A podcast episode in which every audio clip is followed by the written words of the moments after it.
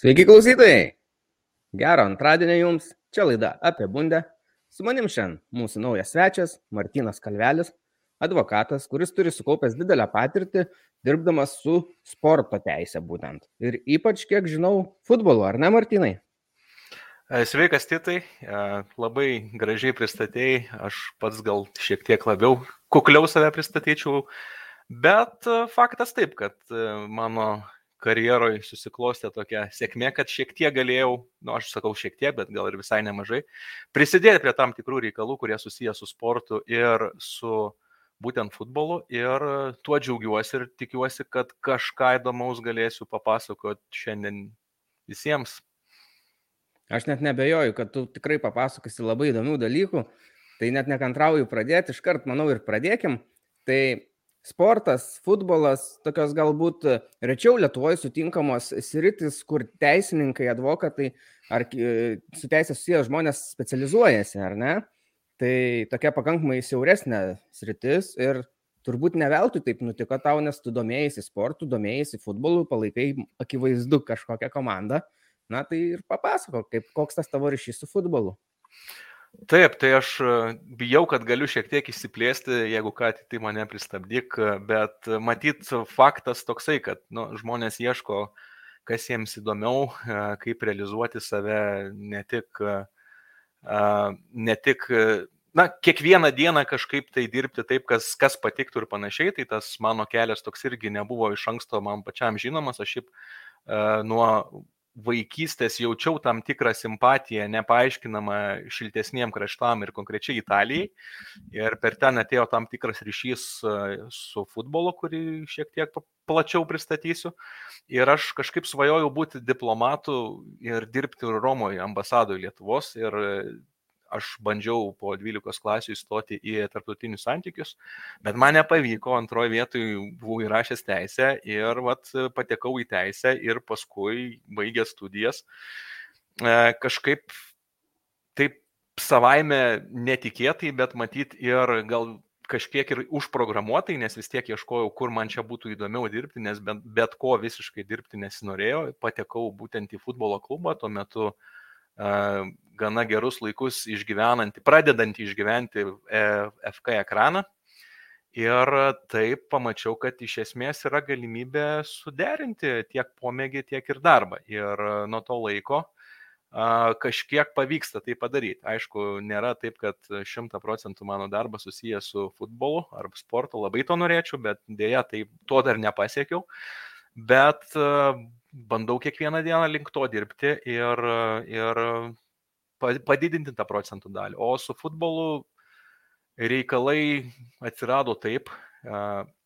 Aš prisimenu, mano senelis amžinatelis mane veždavosi į Ukmergėjų rungtynės Ukmergės vienybės, tai mano pirmie, pirmi pabuvimai stadione buvo Ukmergėje, net ne paneveži.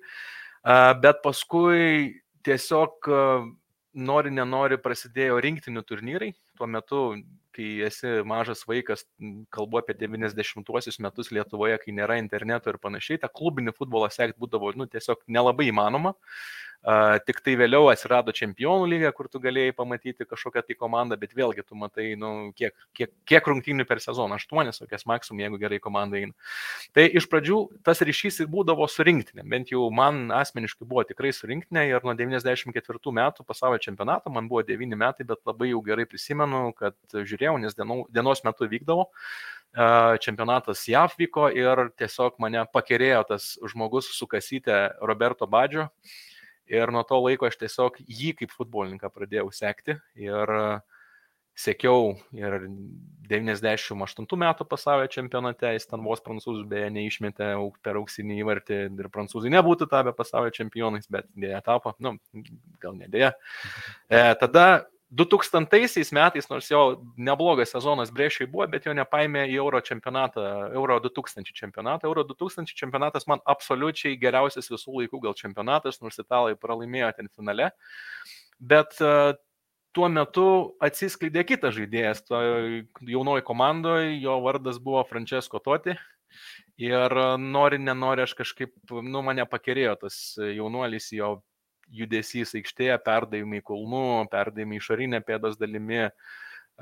Ir aš kažkaip pasidomėjau, kuris čia žaidė, žaidžia Romai tokioje komandoje ir taip sutapo, kad tą sezoną aš pradėjau šiek tiek sekti Romą, kiek jie buvo galima sekti, o buvo galima sekti dėl to, kad nu, atsirado kabelinė televizija ir ten buvo galima žiūrėti tokį ukrainiečią kanalą, kuris rodė serialės Ševčenko tuo metu, ten žibėjo, tai atitinkamai jie norėjo irgi, kad parodyti, bet kartu jie rodė Romą. Roma tą sezoną labai gerai pasistiprino, prieš sezoną pasiemė iš kraujuojančios Ferentinos Gabrielį Batistutą, e, pasiemė Emersoną, tokį legendinį brazilų saugą, e, turėjo pas save komandai šiaip jau labai neblogų futbolininkų kaip Kafu dešiniam krašte, kairiam krašte e, Kandela prancūzas, turėjo Damianą Tomazį, Vincenzo Montela, e, gynyba buvo labai gera su Aldairu legendiniu brazilu ir Walteris Samuelis, paskui labai žymus e, Argentinos gynėjas patapo ir tiesiog Roma tą sezoną laimėjo titulą ir labai gražių stiliumi ir aš kaip eilinis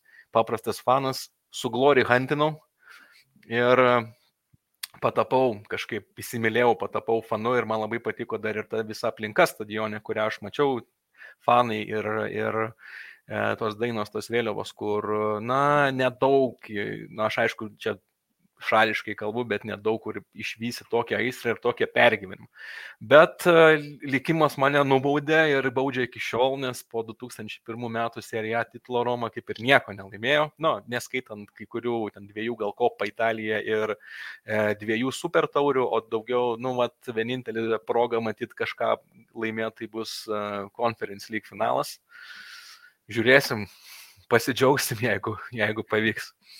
Labai tu daug e, įdomių aspektų papasakai, manau, žiūrovai jau galėjo pastebėti, kad e, futbole tikrai gaudais išvardėjai daug žymių žaidėjų, jau praeitie žymių, kur jaunesni žaidėjai, klausytojai galbūt net ne visus yra girdėję.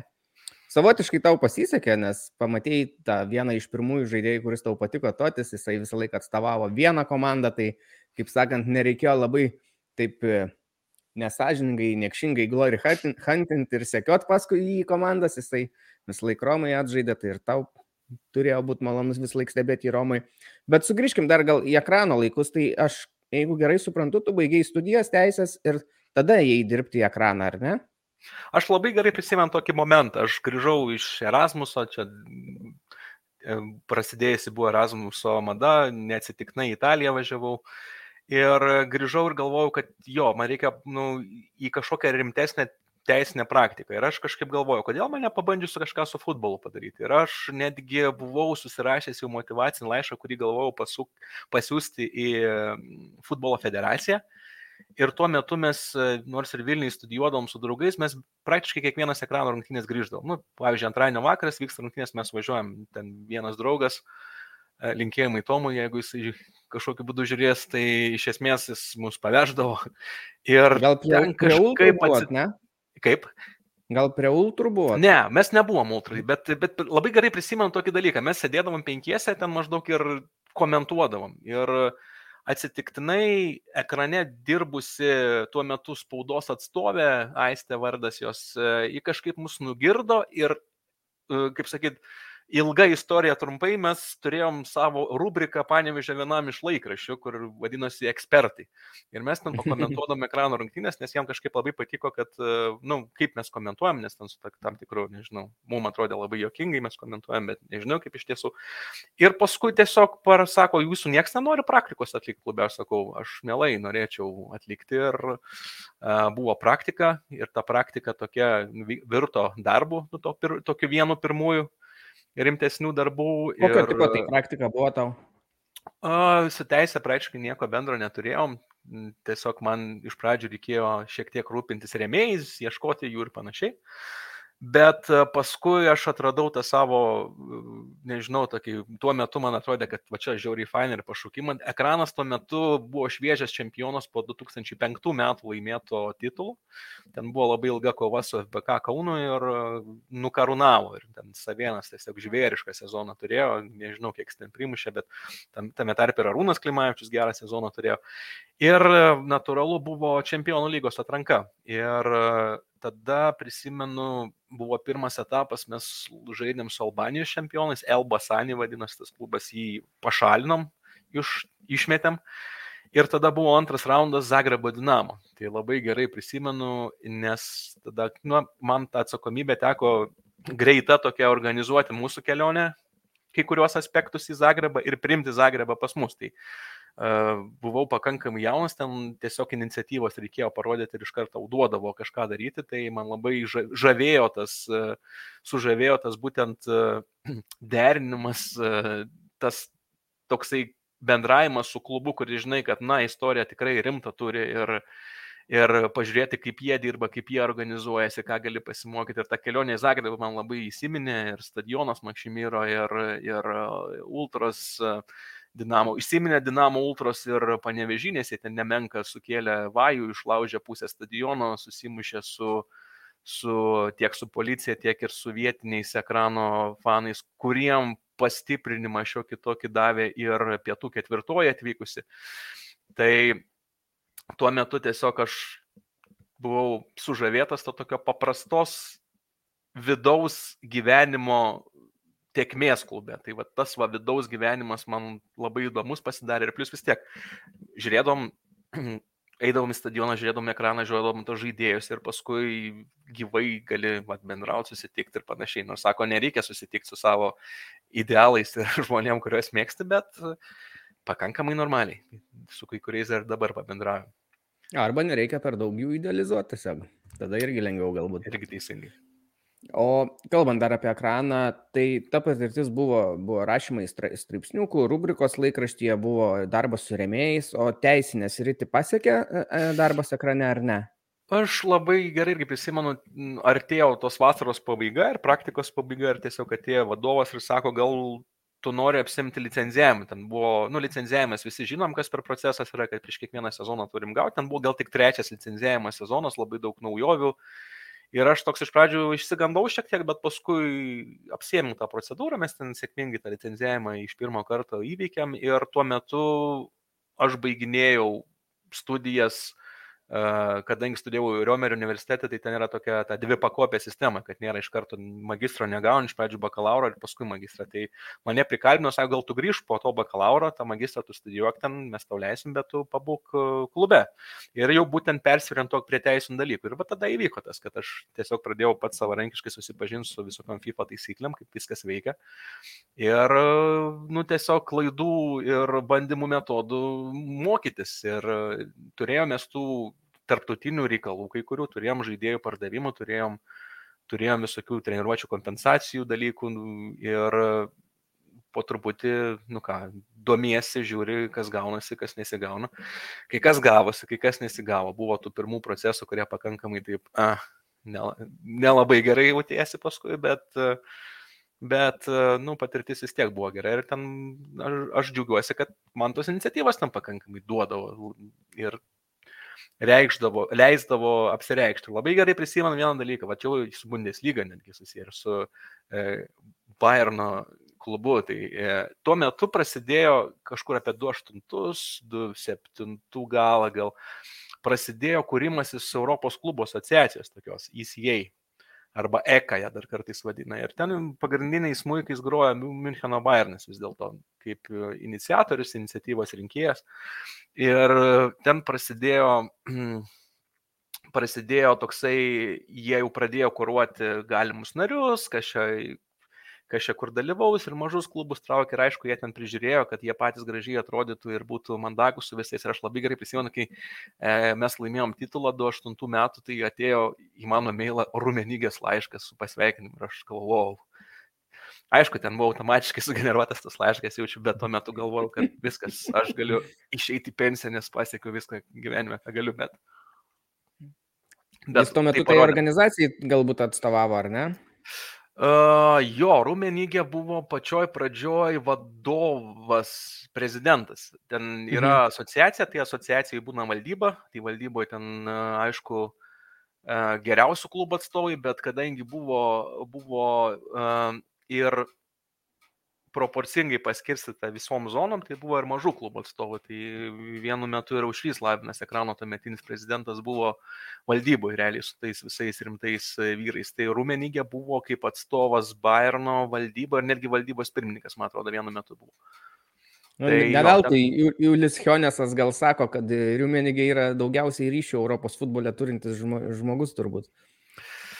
Aš, aišku, čia sunku pamatuoti, matyti, bet aš ne, nebejočiau. Man tik tai labai yra į, įdomu ir žavu, kad Vokietijoje labai daug buvusių futbolininkų užima žiauriai aukštas pozicijas ir yra visiškai patogiai jaučiasi toje vietoje. Tai reiškia, kažkas yra ten su tikrai gerai su futbolininkų edukavimu ir buvusių ir pačių tiesiog žmonių įsilavinimo kultūra. Nu, taip tas pats Jonesas, tas pats Rumenygė, Birhovas, jeigu žiūrėsim, tada Zameris, e, apie jaunus trenerius iš viso nekalbu. Tai ir kiek esu renginių, gal porą buvęs, kur Rumenygė kalbėjo, tai, nu, ta tiesiog aukštas ligmo, kaip labai aukštas, aukšto lygio vadovas. Ir, ir tai rodo tiek, tiek pačios šalies kultūrą, tiek ir matyti ir to šalies futbolo kultūrą. Bayernas, aišku, visada buvo flagmanas ir matyti jie irgi savo organizacijai priima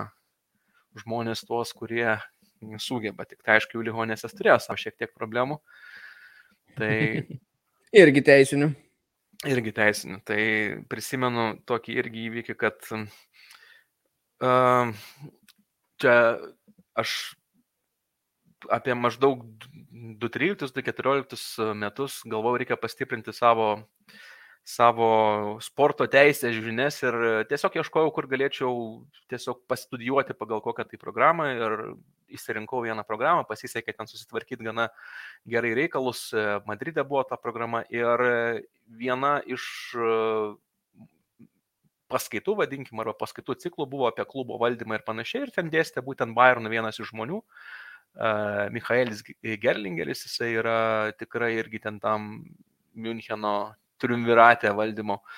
Ir jis yra, na, teisės skyriaus vadas ir, ir teisės ir personalo skyriaus vadas Milkino Bayerno. Ir jisai atvažiavo lygiai kitą dieną po tų visų paaiškėjimų apie tai, kad Juliu Honesui pareikšti kaltinimai ir panašiai. Tai žmogus pakankamai atrodė uh, įsi, įsiderinęs ir tikrai mintis gal buvo kažkur kitur, jisai pats tą patį pats pripažino ir Ir jo, ir tas, tas buvo. Bet Jonesas, kaip supratau, problemą savo uh, skaistykloje atsidėjo štai ir dabar jau gali vėl grįžti.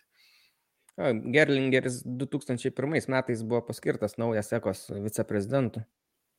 E, taip, mačiau tą, mačiau tą, tą žinią. Jisai irgi labai aktyvus buvo, tiesiog kadangi tai mano supratimu, tai buvo visiškai Müncheno Bayerno iniciatyva, jie buvo tie, kurie e, tą projektą užvedė ir kadangi vokiečiai šiaip žinomi kaip geri organizatoriai ir geri planų vykdytojai, tai matyt, e, jie jau nebepaleido ir išvystė ir kadangi reikėjo prižiūrėti, kaip ta asociacija vystosi, tai ten Müncheno Bayerno etatai iš arti pakankamai žiūrėjo viską. Tai.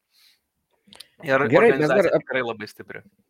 Mes dar apie Vokietiją truputį grįšim, pakalbėsim vėliau, gal aš dar tada nepaleisiu gal ir ekrano temos. Ateini dar toks gal nedaug patirties turintis teisininkas ar ne, rimti darbai laukia klube, nuo to priklauso ir žmonių na, gyvenimas tam tikrą prasme, ar ne, bent jau karjeros e, išsiuntimai, pirkimai ir panašiai. Tai kaip atrodo tas teisinis darbas klube, Lietuvos klube, sakykime, jis Lietuvos mastu yra didelis klubas, bet šiaip paėmus yra mažas klubas europiniu mastu. Ar jie turi kažkokį teisinį skyrių, ar tu esi tik vienas ten, kaip tai vyksta, kokia situacija tuo metu yra Lietuvos klubės su teisiniais reikalais? Geras klausimas labai. E, šiaip faktas, kad e, tuo metu um, tuo metu, kai aš tik tai tą praktiką atlikau, ekrane gal dirbo, gal tik tai devyni ar ten kažkiek žmonių, įskaitant ir vairuotoją.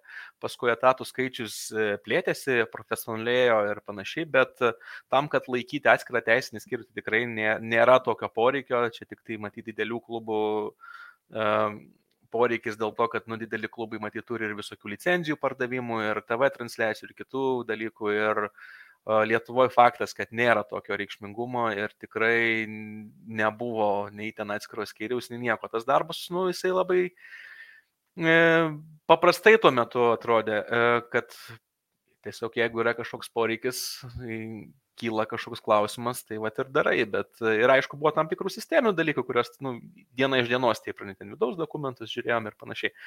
Bet faktas, kad patys įdomiausi dalykai būdavo susijęs su, kaip aš vadinu, tarptautiniu elementu, tai yra žaidėjo pirkimas, pardavimas.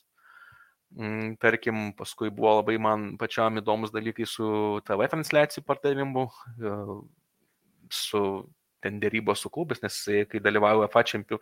Šiaip bendras dalykas, visi žinom, kad pavyzdžiui Lietuvos klubai e, A lygoje, nu dabar kažką, kaž, kažkokias tai sumas gauna, bet anksčiau buvo, jeigu tu nori, kad tavo rungtynės rodytų televiziją, tai tu turi pirkti iš televizijos. Ne televizija tą moka, tai čia ja, pats susimokė. Didžia, didžiausias yra didžiausia, gal, nu, šiaip futbolo klubų problema Lietuvoje yra, kad jie nu, negali išgyventi patys iš savo ekonominės veiklos. Reikia savivaldybių lėšų ir reikia kitaip. Kai didži, didžiųjų lygų, jeigu žiūrėsim e, Vokietiją, Italiją, Angliją, ypač Angliją, e, TV transliacijų pinigai yra žiau, žiaurė dalį sudaro. Kai, kai kurių klubų ten neegzistuotų. Pavyzdžiui, aš čia vakar pasitikrinau toks Neapolis. E, gal apie 70 procentų jų pajamų sudaro TV transliacijos. Aišku, su čempionų lyga susiję, nes e, Italijos Serie A tiek nesugeneruoja pajamų, kiek, kiek reikėtų. Bet e, pas mus to aišku nebuvo, bet e, kai klubai dalyvauja Lietuvos, tarkim, UEFA čempionų lygos arba UEFA turės arba kažkur atrankoje, tai atrankoje iki tam tikro etapo tos teisės nėra centralizuotos ir UEFA duoda klubams teisę namų nu, namų aikštės, aikštės savininkams duoda teisę transliuoti savo rungtynės.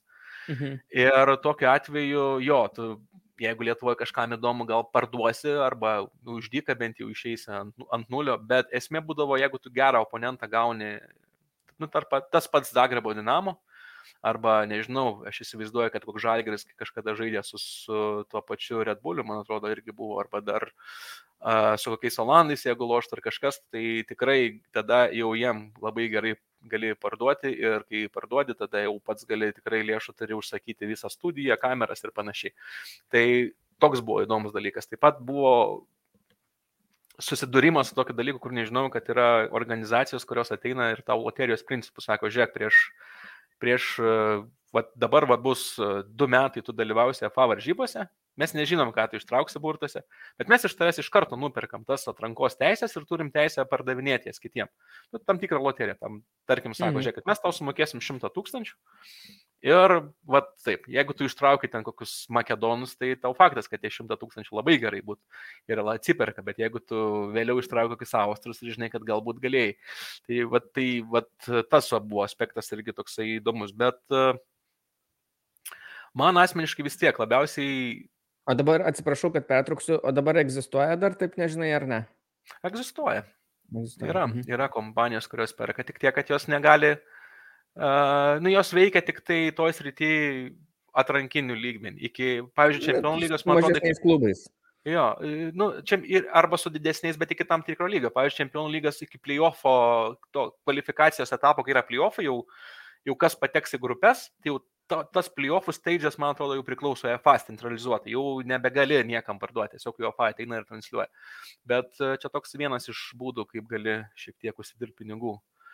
Tai pas mus Lietuvoje dėl to visi ir užsihypinė, kad UEFA patektų UEFA. Tiesiog, nes kitaip, kitaip sunku išgyventi. Jo, aš tave pertraukiau, nežinau, tu gal dar norėjai kažkur pratest, pamiršai mintį, ar, ar viskas gerai? Ne, viskas gerai. Tai va toks dalykas. Aš tiesiog, ai, norėjau sakyti, kad man asmeniškai, jo, tik vėlesniai karjeros daly, tai atsirado ginčiai. Tai va ginčiai su, su tie sportiniai man labiausiai prie širdies kaip darbo procesas. Bet aišku, jie kartais nepasiseka, ten pralaimi, tada liūdniau būtų. Na, bet toks gyvenimas. E, gerai, tai palikim tada jau ekraną turbūt nuo šaly, judėkim po truputį į Europą. Tai minėjai kursus Madride, jie maždaug kada buvo dar dirbant ekrane, vėliau šiek tiek. Ne, aš ekranė šiaip e, gyvai sėdėjau ten tik tai gal du metus e, ir paskui aš greitų laikų persikrašiau Vilnius, darbinau vienoje iš teisinių firmų, kur lyg tai paties sužadėtinė dirba dar ten. Tai prabuvau kažkiek laiko ir dirbdamas ten toliau tęsiam kai kurios darbus. Ir aš apie tą tokią mintį, kad išvažiuot pastudijuoti kažkur kitur, tai turėjau ją. Jeigu iš naujo dėliočiau gyvenimą, galbūt jau išvažiavęs anksčiau, bet e, tiesiog tuo metu taip kažkaip e, atrodė nerealistiškai, nes tikrai pakankamai brangu buvo ir paskui, nu, irgi pabėgti nuo darbo reikėtų ir kažkaip kitaip. Ir žinojau apie tokią instituciją Madride, trumpinys vadinasi ISDE, išvertus iš, iš ispanų kalbos ten yra teisės ir ekonomikos institutas, pakankamai gera mokykla, turi Madride ofisą, turi Barcelonoje ofisą ir jie turėjo pakankamai stiprią sporto teisės programą, tikrai stiprią vien dėl to, kad labai stiprus dėstytojai. Tie dėstytojai, kurie iš esmės yra nu, sporto arbitražo teismo pagrindiniai arbitrai, kurie istorinius sprendimus priimino ir panašiai. Tai labai norėjusi, norėjusi pas juos patekti, bet tiesiog kažkaip taip atsargiai vertinu perspektyvas, kol vieną dieną Vilniuje vienam renginyje sutikau kolegę, kuri lietuvė, kuri buvo pabaigus prieš metus tą programą, dabar Lozanai, man atrodo, gyvena ar Londone net. Uh, tai esmė yra tokia, kad jinai padrasino, sako, čia nėra labai sudėtinga, vaduodu kontaktą, susisiek, pasižiūrėsiu, ko tau reikia ir galbūt viskas tvarkoja bus. Tai, tai pabandžiau, pavyko susiderinti gerą kainą visai ir jau ir važiavau ir buvo labai įdomu, labai, labai geras laikas. Ilgai truko?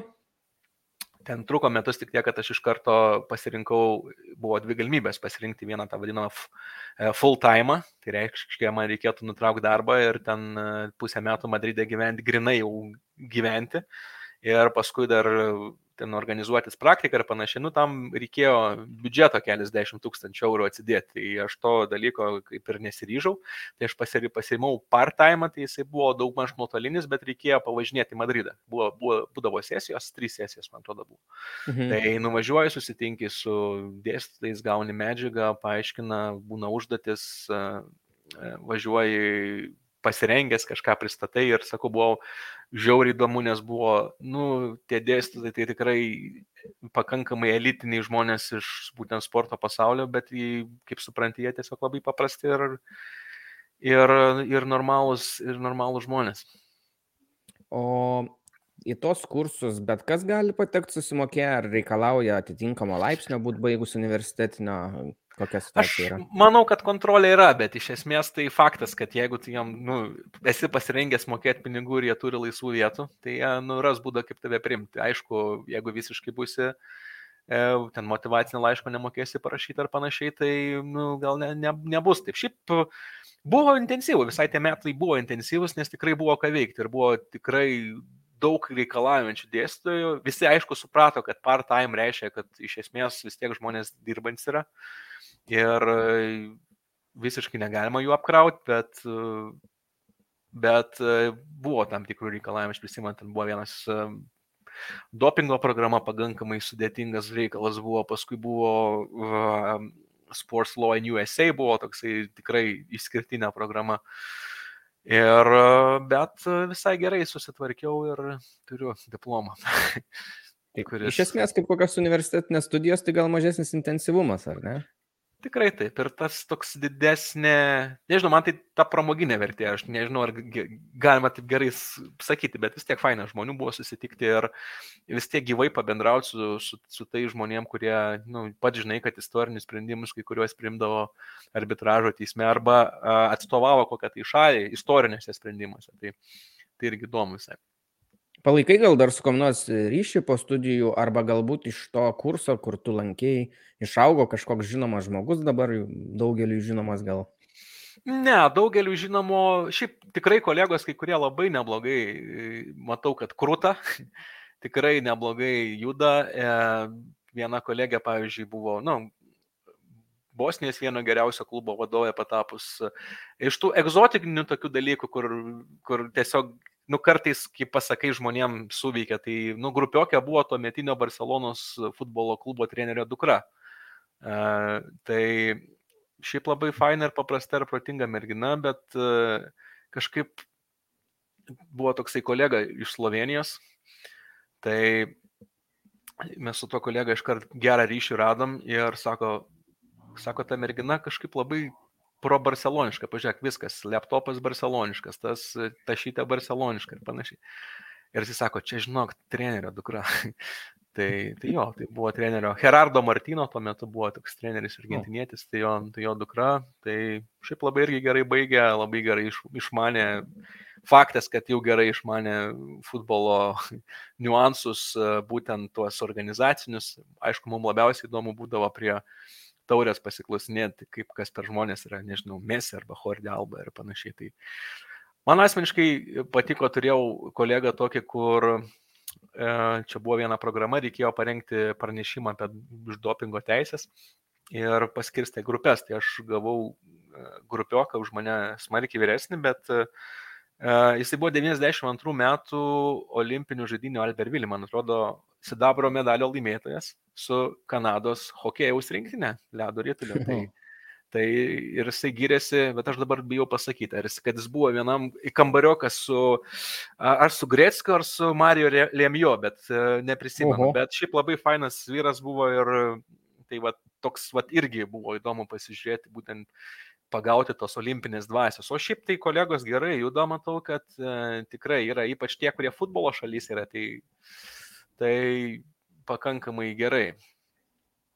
Bet, ja, tai... bet kad, kad ten bet, kažkokios superžvaigždės būtų, ne, nu tas rytis, nu tokia, nes tų žvaigždžių labai nėra, ta prasme, jie tokiam uždaram rate, tiesiog žinai žmonės, kas, e, kas, kas daug dirba, kažką gerai pasiekia ir taip, labiau dėstytai pas mus ten buvo, žvaigždės, vadinkim taip, būtent iš tos ryties. Na taip, tiesa, ta, ta vis tiek žmonių specializacija, na tai ne futbolininkai, ne pirmo ryškumo žvaigždės, jie labiau užkulisiuose dirba. E, gerai, Madridas. Dar kokios nors mokslus susijusius su sporto teisė, kur nors kitur gal baigėjai, vėliau kažkas buvo dar tokio, ar Madridas buvo? A, ne, tai papildomų studijų nebaigiau daugiau, nes, nu, iš esmės supranti, kad visos tos programos jos yra šiek tiek vienodos, tik labai svarbu pažiūrėti, kokie dėstytojai yra tai papildomų žinių gal labai nebūčiau sukaupęs, žmonių gal galėčiau sukaupti pažinčių kažkokių, bet manau, kad pate, pakako tuo metu, bet aš stengiausi tiesiog šiaip ir praeitam, e, praeitam darbę, kur buvau su kolega važiuodamom į visokius seminarus, e, bent kas, kasmet po vieną nuvažiuodam, tai ten kas metus, kas du metus vyko Madride, kas du metus e, vykdavo Lozanui ir taip prasilenkdavo ir kiekvienais metais būdavo kelionė. Ir e, tiek, kad e, dabar irgi norėčiau nuvažiuoti, bet dėl COVID buvo pristabdyti, žiūrėsim, gal bus e, šiemet rudenį bus organizuojami, tai bus įdomu atsinaujinti ir, ir pažiūrėti, kas per, per, per naujienos. O ten seminarai ir, ir pranešimai, aišku, turėdavo ir gerą vakarinę programą, bet bėdininė programa irgi gera būdavo. Tai ten iš esmės būdavo aptariamas naujienos, tendencijos, praktikos, iš karto duodama medžiaga ir, na, žinai, kai jau paskui pats turi ginčą, jeigu pasiseka tokį turėti, žinai, kur žiūrėti ir, ir kuom remtis. Gerai, dabar truputį nuklysim į Italiją, manau, tokia lengvesnė, tarpinė stotelė bus mūsų tarpinė tema, o po to pereisim prie arbitražo, prie bylų, kokios yra bėdos dažniausiai ir tada dar nukeliausim, nukeliausim pabaigoje šiek tiek ir į Vokietiją. Tai minėjai, jog traukiai tuos šiltus kraštus į Italiją, ypač buvai ir Madride. E, pats suskaičiuoji, kiek jau kartų esi buvęs Italijoje ir galbūt atsimeni tą pirmą savo kartą Italijoje ir pirmą kartą stadione, kur nors Europoje rimtose varžybose, o ne Ukmergėje ar Panevežyje. Aš e, Italijoje šiaip pakankamai vėlai, tai aš kaip Erasmusą važiavau, tai mano pirmas kartas buvo Italijai, e, bet aš labai gerai prisimenu 2001 metų rugsėjo pirmą dieną, nes tuo metu buvo žaidžiamos rungtynės Kauno stadione Lietuva-Italija. Ir mano krikštatėvis man nupirko bilietą ir aš įsirengiau su tokia sena muilinė, didelė muilinė vadinamam fotoaparatus, kur prasukau juostelę būdavo. Ir aš padariau klaidą tokią strateginę, nes aš atvažiavau ir iš karto į, į užlipau Kaune, kas buvo stadione Darius ir Girėno, dabar aš nežinau, kaip jis atrodys, bet ten tokia yra platforma, kur patenki pro vartus vienus ar kitus ir užlipi ant tokios platformos, kurių gali įeiti į tribūnas. Ir aš tik užlipau ant tos platformos ir matau, kad atvažiuoja autobusas ir ten išlipa Italijos rinkiniai. Ir esmė, kad tuo metu nebuvo jokios apsaugos, praktiškai nieko. E, tiesiog jie ramiai išėjo ir kas norėjo ir parašus gavo ir panašiai. Tai aš tuo metu tiesiog žiūrėjau, kaip, nu, tiesiog dviejų metrų atstumu jie lenda į tą tunelį po platformą ir mano buvo žandikulis nukritęs, nes ten nu, ta prasme, pirmas toks įspūdis gal buvo, kai pamatai žmonės, kurie yra tau žvaigždės labai dideli, bet jie iš labai arti ir tu matai tiesiog ir tu gali susišūkauti. Tai aš prisimenu, uh, nu ten Del Piero, Nesta, Maldini, Bufonas, Kanavaro. Uh, ir aišku, Francesco Totie, ir aš jam pašaukiau tiesiog pavardę Totis, į mane metė akį, aš jam kažką pamojavau, jis parodė tokį liuksą, palaukit. Sakė, va taip, va. tai buvo labai įdomu ir paskui rungtynės buvo 0-0 pasibaigė. Ir aš po to tą muilinę bandžiau irgi patekti prie autobuso, bet jau labai sudėtinga buvo. Bet sugebėjau high-fivinti Vincenzo Montelą, jisai davė man penkis tuo metu ir patapšnojau dėl Pierui per petį. Tai aš paskui neplojau tos rankos, nežinau, nu, gerai, dieną gal neplojau. Ir taip pat nusifotografau, prisimenu, su Skarbaliumi ir Jankausku. Tai va čia toks pirmas buvo potyris su Italija, paskui, kaip sakiau, atvažiavau į Erasmusą ir Erasmuse man nepavyko Romos pamatyti rungtynę, tai toks buvo liūdnesnis dalykas, bet pamačiau tikrai geras rungtynės, dabar neseniai prisiminėm, dar su švogeriu savo važiavom, jis buvo atvykęs um, aplankyti manęs Milanas su Fiorentina Florencijoje. Mhm. 2005 metai, prieš pat lapkričio mėnuo, tai yra tas tie metai, kur pasibaigė sezonas persivertė į italų triumfą pasaulio čempionate. Ir 3-1 labai gerai prisimenu, ten Milanas visas žvaigždinis, bet Fiorentina laimėjo, Luka Toni du golus užstatė ir dar esam, dar švogeris yra pagavęs, kaip muša pirmą įvartį išsilaisvinęs iš nestos, kuris pasimetęs tiesiog žiūri, kas čia vyko. E, mačiau, aišku, Brešę, nes Brešė aš e, tą Erasmusą turėjau ir Brešė tuomet Maris Tankievičius žaidė, tai mačiau Brešę su to pačiu Milanu žaidžiant. Ir e, tiek, bet to pirmų savo Romos rungtynių tai turėjau laukti ilgai, 2017 atvažiavau savaitį ir tuo metu dvi rungtynės aplankiau. Ir pagavau tą tokį... Abidamų. Vaibą.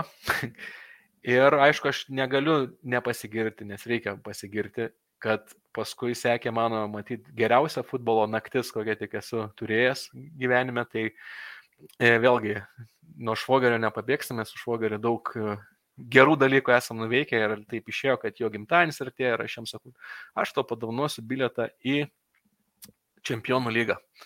Ir Roma praėjo aštuntfinalį Donetsko šakterą į aplošę ir uh, ir buvo pardavinėjami biletai, buvo aišku, kad buvo ištrūkti burtai, kad bus su Barcelona. Aš ten atstovėjau virtualioje eilėje, man pavyko gauti bilietus geroje vietoje, tai yra prie tos pietų tribūnos kurvas sud, atsiprašau, kad žodį kurvą sakau, bet tai yra, nu, itališkai tas posakis reiškia ir e, Romos fanų. Tai būna sud kurve. Nu, va, tai visiškai tas pats. Tai mes, kaip sakyti, ne, ne, nepasimesim šešituose terminuose. Ir esmė buvo tokia, kad uh, tiesiog aš norėjau pamatyti tą Romos stadioną pilną, nes aš prieš tai rungtynėse, kur dviejose buvau, tai ten buvo su Bolonija ir su uh, dabar net neprisimenu, su Kalieriu, man atrodo, nu, ta prasme nebuvo labai esminės rungtynės, ten buvo gal po 40 tūkstančių. Bet aš žinau, kad Romai bus absoliučiai pilnas, Roma Barcelona bus ir bus ta gera atmosfera. Bet kad ta gera atmosfera būtų, tai reikėjo, kad jie, nu, nepasišiukšlintų pirmose rungtynėse, kurios buvo žaidžiamas Naukampė.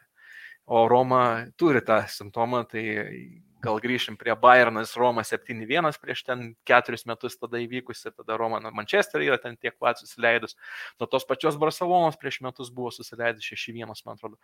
Nu ir tiesiog žiūriu su baime tas rungtynės, kurios vyko Barcelonoje ir ten 4-1 pasibaigė. Bet galvoju, a, 3 įvarčiai, plus vienas dar tas away goal rule buvo, galvojau, nu bent jau atmosferą patirsim. Tai su švogeriu atskridom į Romą, Išgėrėm alaus šiek tiek, pavalgėm labai skaniai ir nuėjom tų rungtynių žiūrėti ir taip, atmosfera fantastinė, užsivedimas didelis, dar net neprasidėjęs rungtynėm, ten e, tas Romos himnas atliekamas, iki tol yra dvi dainos, dabar jau trys dainos yra atliekamos, kur ten visi dainuoja. Nu, žodžiu, tikrai labai faina.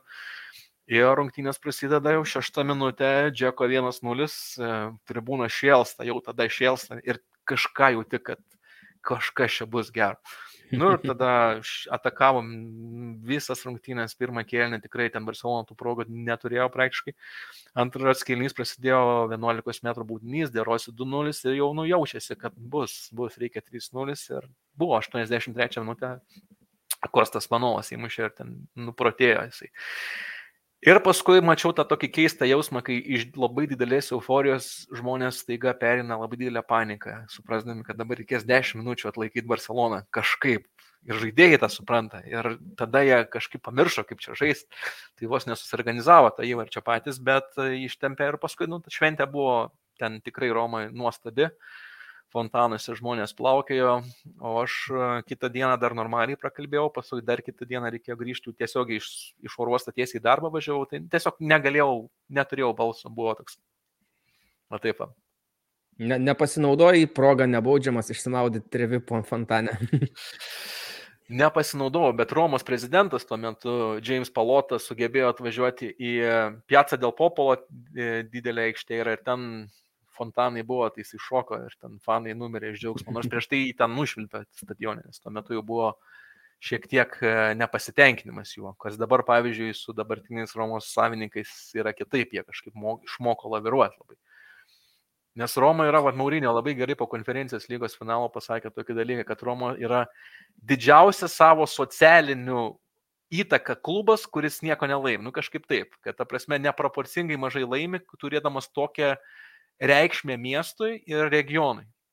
Mhm. Ir jo, ten labai didelį kažkaip žmonės laukia tų pergalių, labai daug yra lūkesčių, vilčių, bet niek, nu, yra atitinkamai labai didelis spaudimas. Tai va, jeigu į Bundeslygą žiūrint, Patrikas Šikas, kuris Romai tiesiog psichologiškai perdėgęs buvo ir nu, nepakėlė tų svorio, koks buvo ant jo uždėtas. Ir nors tos rungtynėse su Barcelona jis lošia ir pakankamai gerai žaidė. Bet, bet gal tiesiog, dar nebuvo pasiruošęs. Nu, vad gali būti, bet vad išėjo į, į Vokietiją, prašau. Nes jisai ir Leipzigą, jisai iš pradžių Leipzigą žaidė, tai irgi nebuvo labai kažkoks ten stebuklas, ten po 10 gal įvarčių mušė per sezoną. Ir jis po to čempionate Europos gerai sužaidė ir, ir Bayerį atsiskleidė jau. O Leipzigą irgi jam taip dar sunku, kai buvo. E, gerai, žiūrėk, e, labai nes, ne, ne, nesigilinkim gal labai konkrečias visokias varžybas. Šiaip tas su Barcelona antrą antrasis, antrąjį susitikimą Romoje aš stebėjau per televizorių, pamenu irgi puikiai tas varžybas. Ir tikrai palaikiau Romą, nes nesu didelis Barsos fanas. E, tai tur, nežinau, tau, kad netgi matei tai gyvai, bet net ir nepaisant to, turbūt buvo vienas įsimintiniausių, džiaug, daugiausiai džiaugsmo teikiančių Romos mačų, aš įsivaizduoju. Be abejo, aš čia vienas irgi draugas pasakė, sako, nu pabaigai šimtmečio rungtynės. Iš esmės jo, nes nu, tuo metu, kai jie tapo čempionais, du pirmais metais, tai dar to nesuvokiai, nes vis tiek toks per paauglišką prizmę žiūrėjau, o dabar, jo, tikrai buvo. Pajutau tą tokį jausmą. Artėja jau finalai visų europinių turnyrų, bus čempionų lygos, Europos lygos, dabar yra ir naujas konferencijų lyga. Tai man visai įdomu, kaip e, Romos fano paklausti, vis tiek klubas yra turintis gilias tradicijas, na, titulo nėra labai ilgai jau, bet būdavo metų, kai dėl jo būdavo kovojama dar vis tiek, ar ne? Mhm. Tai teikia, aš kaip suprantu, teikia džiaugsmo tas konferencijų lyga, konferencijų lygos finalas, noris laimėti tą titulą, bet nėra toks truputį gal lūkesčių nuleidimas žemyn ar dar kažką, koks yra jausmas, man įdomu. Koks požiūris? Geras klausimas. Šiaip labai toks trumpas nuokreipis, tai jo, apie Romą šiaip ten statistiškai buvo, aš dabar nežinau, ar dabar yra, bet jeigu žiūrėsim nuo 2001 metų, tai daugiausia antrą vietą Italija užėmusi komanda. Tai ta prasme visada kažkur buvo žvėriškų sezonų, kurie ten mes ten po 9 taškų rinkdavom, bet Juventus 102 turim ir nieko negali padaryti.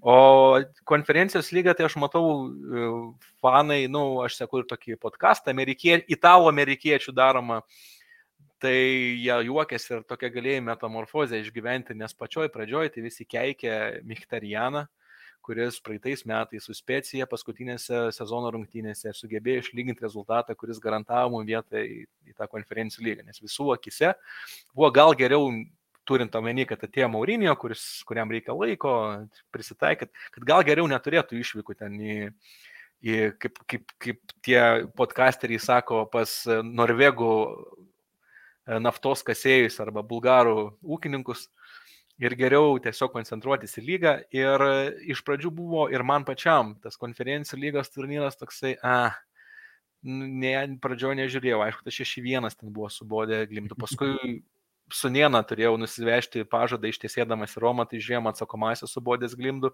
tai buvo 2-2 pasiebūgė, bet irgi nelaimėta, irgi tokias ne, ne, ne visai geros rungtynės. Bet faktas, kad kuo tu toliau eini ir sutinki tas visai jau padorės komandas, kažkoks lipdosi džiaugsmas, nes nu, dabar vis tiek turi Fionordą, šiaip gerą klubą, Lesterį apsilošim.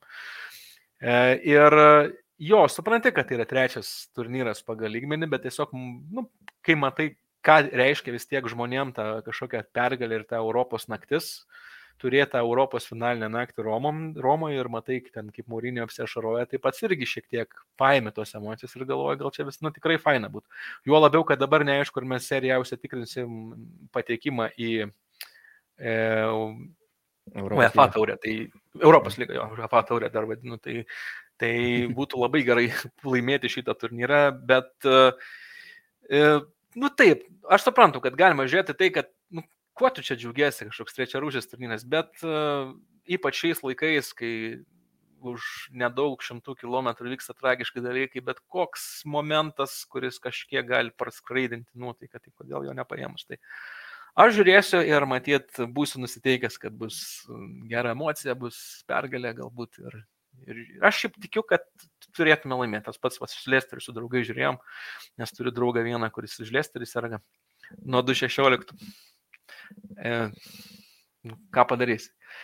Tai, bet jis turi gal penkias Romos maikės, tai nežinau, jis neapsisprendžia, kaip iš tikrųjų čia reikėtų sirgti, bet jis tada užlėsti ir sirgo. Tai kažkaip irgi jutau, net nesinervinau, nes jutau, kad viskas turėtų ten gerai būti. Tai vėl įmušim po kampinę kokią dešimtą minutę ir vienas mums. Jo, tu turbūt gerai paminėjai tą aspektą, kad labai svarbu, kad galima patekti dar į Europos lygą. Tai čia komandai, jeigu dar nėra užtikrinus, tai tikrai labai svarbu. O norėtų finale, pusfinalyje, vad gerą varžovą sutiko finale, na irgi toks, tai vad kai kuriais metais galima vis tiek tuose tolimesniuose etapuose, net, ar tu nieko neturėsi, ar turėsi namo šventę pažais prieš pakankamai galbūt gerą komandą. Tai visai geras aspektas. O kaip bus e... finale uh, Europos lyga? Kaip Eintrakto šansės vertinat? Aš vertinu pakankamai gerai. Tik tai nenoriu nieko sakyti, nes jokiais ten dideliais favoritais iš, iš, iškelt, nes, na, Rangeriai, uh, dvi vokiečių labai stiprias komandas šiemet jau išmetė iš tos Europos lygos, tiek Dortmundą, tiek Leipzigą, kas mhm. yra visiškai šokas man. Ir dar antrose varžybose ger, geriau atrodo žaidė Rangeriai, Leipzigas, nežinau, ar pavargė, ar pasimetę buvo, bet Škotijoje tai prastokai atrodė. Tai nenoriu nieko prisišnekėti, bet, nu vis tiek, trečią kartą sakau, varžovas įveikiamas, vienos varžybos, o Eintraktas atrodo labai užsivedę ir jų situacija yra lygiai tokia pati, kad jie irgi į čempionų lygą jokių šansų neturi patekti, Europos irgi, man rodos, ir man atrodo, kad net ir konferencijų lygą gal nelabai jie turi šansų. Tai, irgi, tai jų čia irgi vienintelis kelias į Europą dabar yra. Tai visai smagiai. Į tą, į tą gerą Europą. Taip, geriausia jau. Jo, geriausia. Tai va, šito turnyro pasilgstam labai, nes ir ekonomiškai sunku be jo, mhm. ir emociškai sunku. Tai va, visi finalai bus pakankamai įdomi, tie europiniai, sakyčiau, nebus nei angliško finalo, čempionų lygų, ko aš nenorėjau. Mhm. Gerai, čia filinam vienas kitą panašiai. Tai nežinau, gal tada pereinam į rimtesnius vėl reikalus. E, sporto arbitražas, kas tai yra per daiktas, papasakok gal taip trumpai, neįsiplėsdamas ir paprastai, jo. kad suprastų klausytojai, kurie galbūt su teisė nelabai ką bendro turi. Ah, jo, dabar, kad teisingai pradėt, šiaip tas arbitražas, kas per žodis yra, šiaip, nu, paprastas dalykas, jeigu susiginčiu su kažkuo ir neįsprendi taikiai, tai ne į teismą dažniausiai. Kažkada buvo sukurtas alternatyvus ginčių sprendimo būdas eiti arbitražą. Arbitražo skirtumas yra toks, kad e, tiesiog tu pasirenki savo teisėjus. Šalis gali pasirinkti, va šitas pres už mane, šitas pres už mane. Ten šiek tiek greičiau procedūra vyksta, tie teisėjai profesionalesni tau į tikroje srityje ir panašiai. Tai sporto arbitražo teismas jisai atsirado gal ten apie 94 ar kažkas e, ir jis iš olimpinio komiteto iniciatyvos buvo. Tai tos evoliucijos istorijos nepasakosim, bet esmė buvo tokia, kad po truputį kiekviena federacija, tarptautinė sporto federacija, kaip pavyzdžiui, futbolo federacija, ten FIFA, ne, FIBA ir panašiai, jiems buvo reikalavimai įtraukti į savo statutus, kad ginčiai sprendžiami viduje e, dėl ten organizacijų ir panašiai, galiausiai bus e, nukreipiami į sporto arbitražo teismą. Ir po truputį tas sporto arbitražo teismas tapo tokiu organų institucija, kuri, kaip kartais pavadina, aukščiausiojo teismų sporto. Ir iš esmės e, ji realiai nu, visus svarbiausius sporto klausimus išsisprendžia, sporto ginčius. O ten yra labai paprastai. Nu, vienas dalykas e, yra Jeigu, pavyzdžiui, kalbant apie futbolą, tai futbolas šiek tiek išskirtinis, nes turi e, FIFA pas save susikūrus tam tikrą vadinasi FIFA teismas. Ten yra tam tikri organai, kurie sprendžia privačius ginčius tarp šalių, tarp trenerių ir klubų, tarp žaidėjų ir, ir klubų, tarp dviejų klubų. Ir ten ta, tas ginčas išnagrinėjamas, jeigu kažkas kažkam nepatinka ir sprendimas nepatinka, tai galėti va, būtent į sporto arbitražo teismą ir ten jau bus priemamas tas finalinis sprendimas. Tai, tai reiškia, labai... tas FIFOS teismas jisai toks paprastesnis ir greitesnis tada reiškia, ar ne? Jisai būdavo anksčiau žiauriai sudėtingai ilgas. Ta prasme, ten sprendimas, e, jie spręsdavo pakankamai paprastai, ten sudėtingumo gal klausimo labai didelio nebūdavo, bet esmė buvo tokia, kad labai, greit, e, labai ilgai užtrukdavo. Dabar yra sutrumpėjęs tas procesas ir sprendžia pakankamai greitai, bet e, iš esmės bent kiek reikšmingesnis finansiškai ginčas, jis galų gale vis tiek nueina į sporto arbitražo teismą, kur jisai turi A turi vadinamą e, apeliacinę, diviz, apeliacinę skyrių, vadinkim, kur būtent nagrinėjo tos klausimus, kur kažkokia organizacija žemiau yra nusprendus. Jeigu FIFA žemiau nusprendė ir statutai numato, kad tu gali apeliuoti sprendimą, tai arbitražė bus išnagrinėjamas tas ginčas, jeigu šalis norės.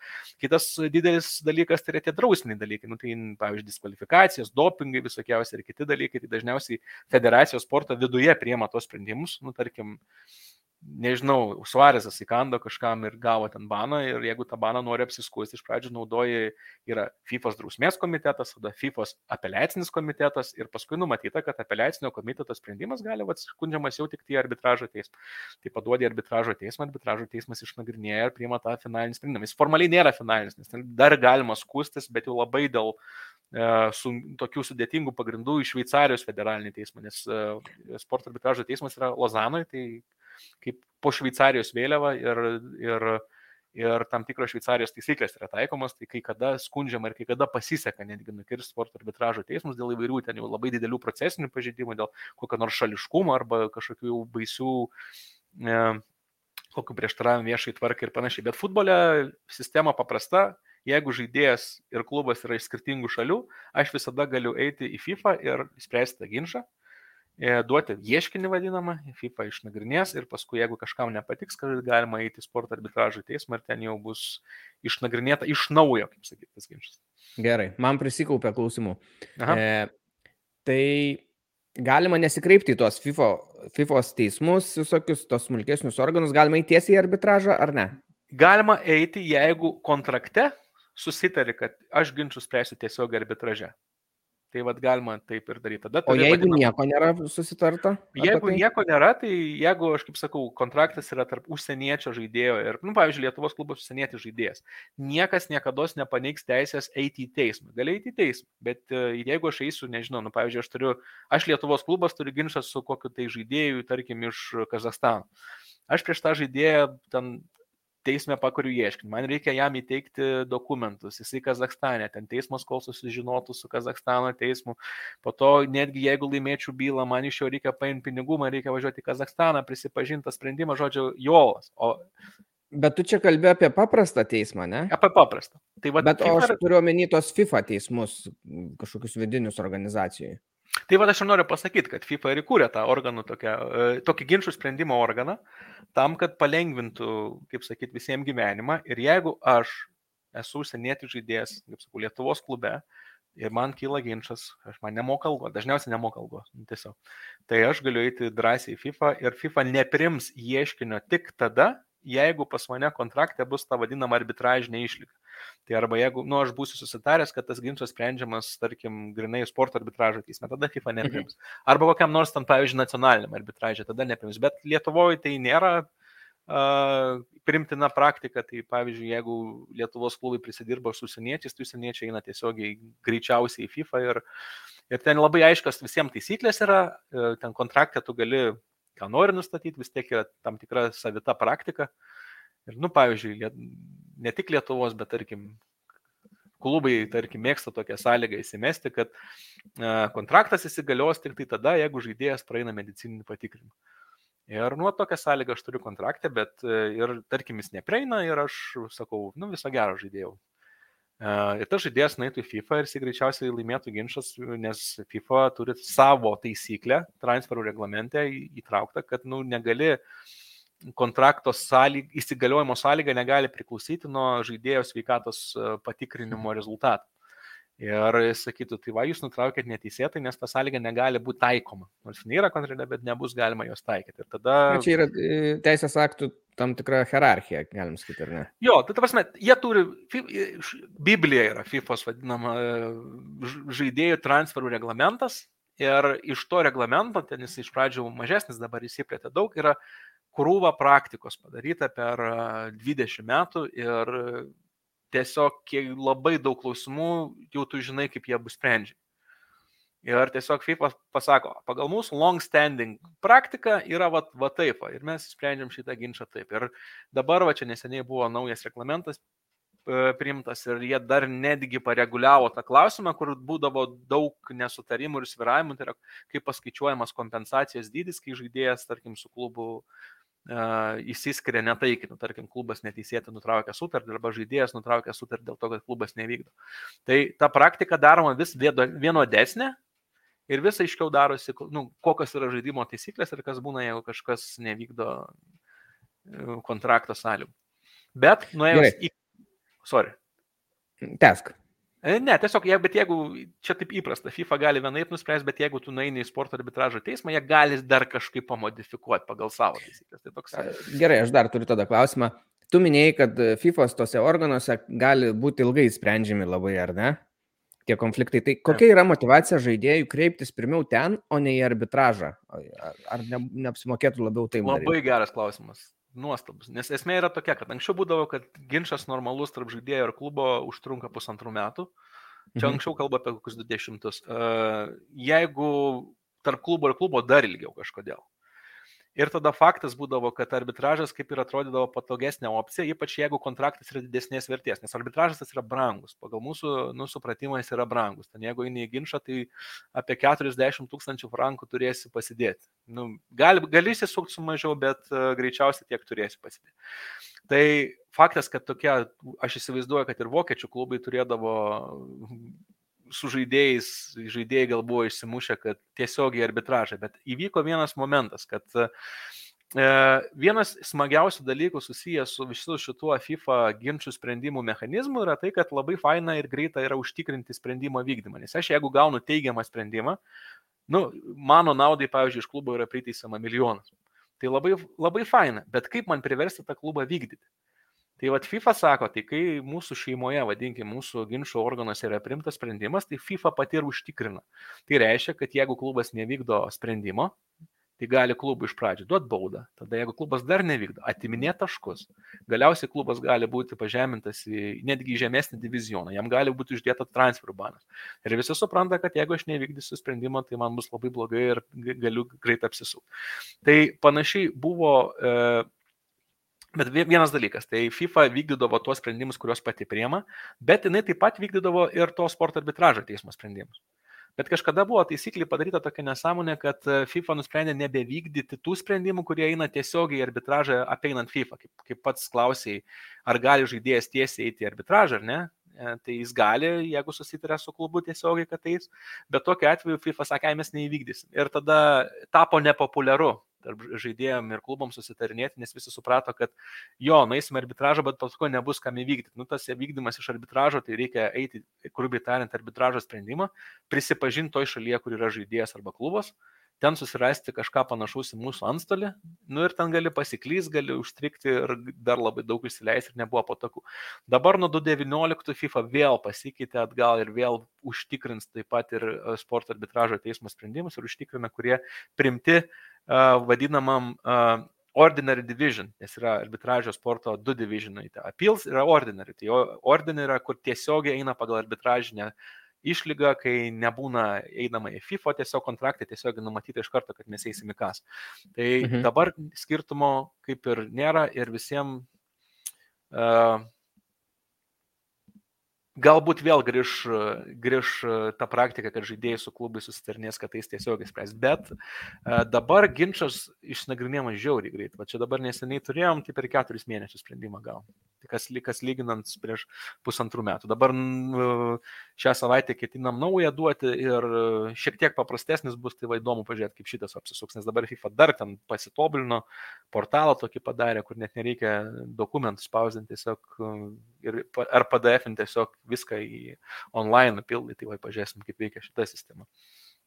E, tai reiškia, sistema tobulėja ir FIFOS tas užtikrinimas įvykdyti to, tos, nežinau, kaip pasakyti, nuosprendžius ar ne, tai yra sveikintinas dalykas, ar ne? Tai be abejo.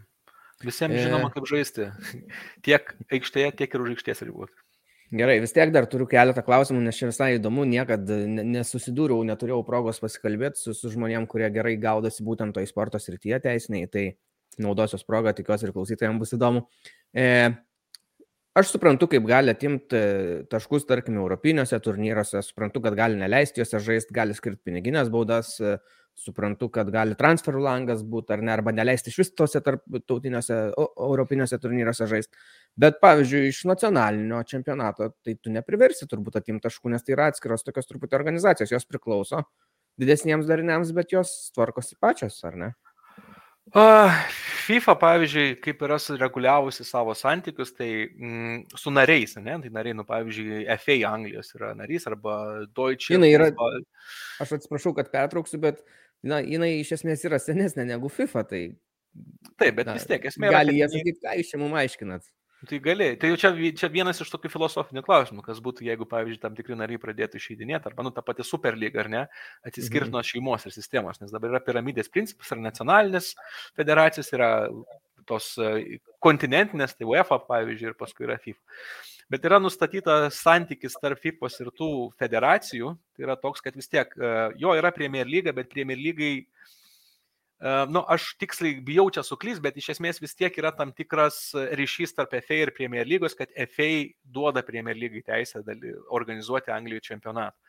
Ir jų santykiai tarpusavį susireguliuoti taip, kad jeigu FIFA prims kokį nors sprendimą, tai realiai jis turi būti ir nuleidžiama žemyn. Tai pavyzdžiui, pas mus buvo viena situacija labai tokia uh, su Italų federacija, kad uh, buvo dabar nežinau, kokia sankcija buvo uždėta, bet Italų federacijai tiesiog FIFA sako, žiūrėkit, mes šitam klubui esam numatę sankciją, e, duodam jum, jūs būkite geri, įgyvendinkit. Ir tas įgyvenimas reiškia, kad jeigu nesvarbu, kad klubui e, taškus skirsto serija A, tai bet vis tiek tarp federacijos ir serija A yra santykis, ir jie turi tai padaryti, jie turi duoti komandą ir ten yra viduje, nu, taip sudėlioti santykiai, statutai ir panašiai, kad e, ta sankcija galų galia yra įgyvendinama. Jeigu neįgyvendinama, tai gali būti, kad Italų futbolo federacija tiesiog bus pašalinta, jeigu jinai to nedaro. Tai panašiai visose federacijose. Tai realiai taškus gali atimti ir Egipte, jeigu nori, ir, ir Argentinoje, ir, ir kitur.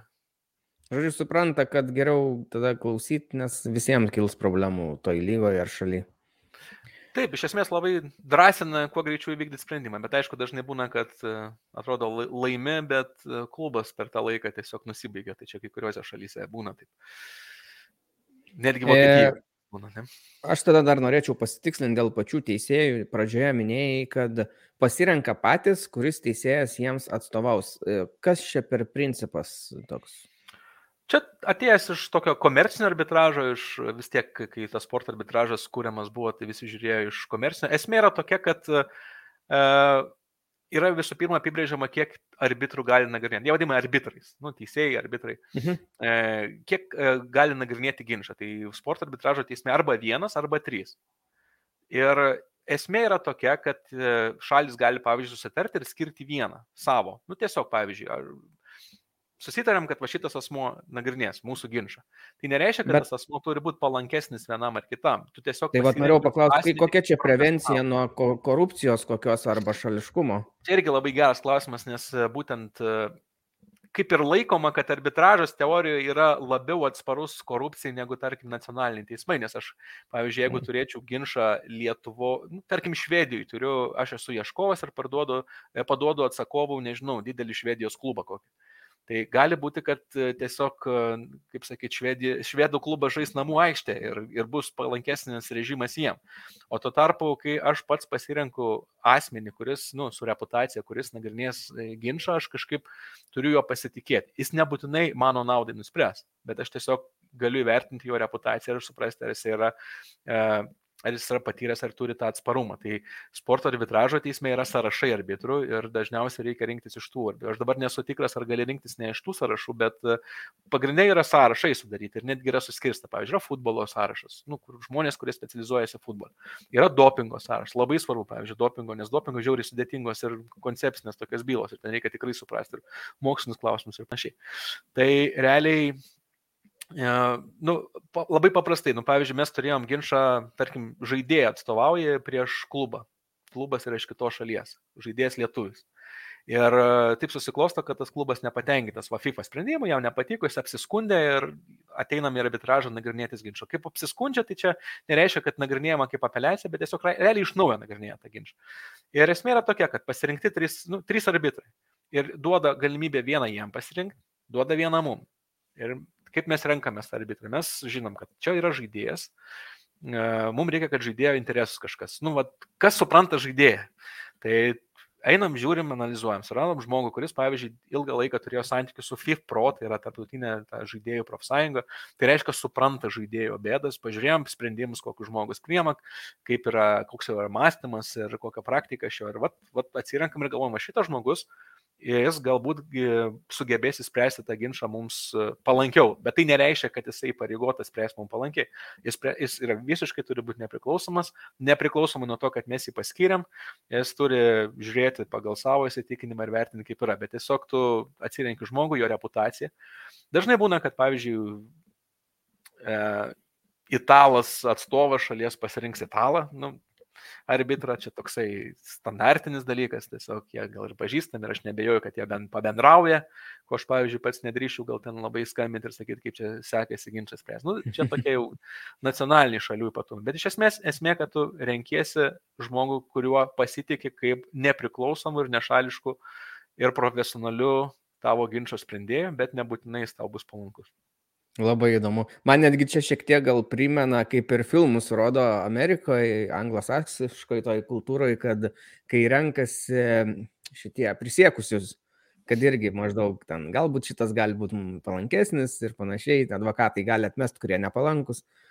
Taip, tai čia įdomus, žinom. įdomus principas. O.J. Simpsono serialo, kaip jie atsirinko ir rasės. Labai geras. American Crime Story, man rodos, taip liktai. Taip, tai ta, tokia socialinė inžinierija, kaip sakyt, bando nuspėti, kaip, kaip žmogus spres, bet tai labai sudėtinga yra nuspėti. Tai tiesiog tik tai, bet vis tiek kažkok, pagal kažkokius faktus bent jau gali pasididinti galimybės tai, ir tikimybės. Tai va, tą reikia išnaudoti. Gerai, man atrodo, mes čia jau supratom, kas tas arbitražas, kaip jis truputį veikia, irgi suprantam jau po truputį. Tai esi pats turbūt tikrai dalyvavęs, turėjęs bylų ten, ar ne?